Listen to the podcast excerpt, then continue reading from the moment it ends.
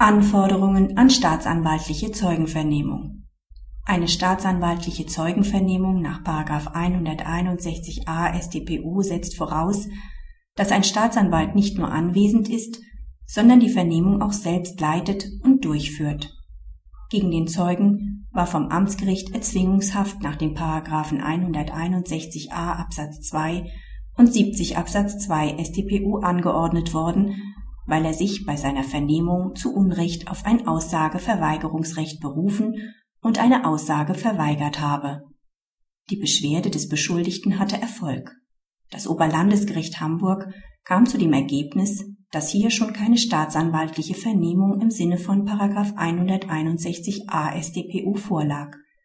Denn ausweislich des Vernehmungsprotokolls wurde die Befragung praktisch vollständig durch einen Polizeibeamten durchgeführt. Ein Staatsanwalt war zwar anwesend, doch beschränkte sich seine Mitwirkung darauf, den Beschuldigten über die Voraussetzungen eines Strafklageverbrauchs und dessen Konsequenzen im Hinblick auf sein vermeintliches Aussageverweigerungsrecht zu belehren.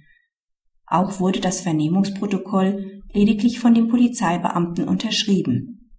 Damit waren aber die Voraussetzungen einer staatsanwaltlichen Vernehmung nicht erfüllt. Es handelt sich lediglich um eine polizeiliche Vernehmung, für die keine Aussageerzwingungsmöglichkeiten vorgesehen sind, so dass schon aus diesem Grund die Anordnung von Beugehaft unzulässig war. Praxishinweis.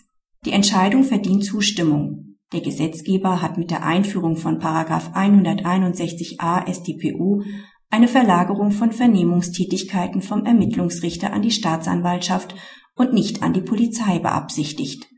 Daher setzt die Vorschrift voraus, dass die Vernehmung auch tatsächlich von einem Staatsanwalt geleitet und durchgeführt wird.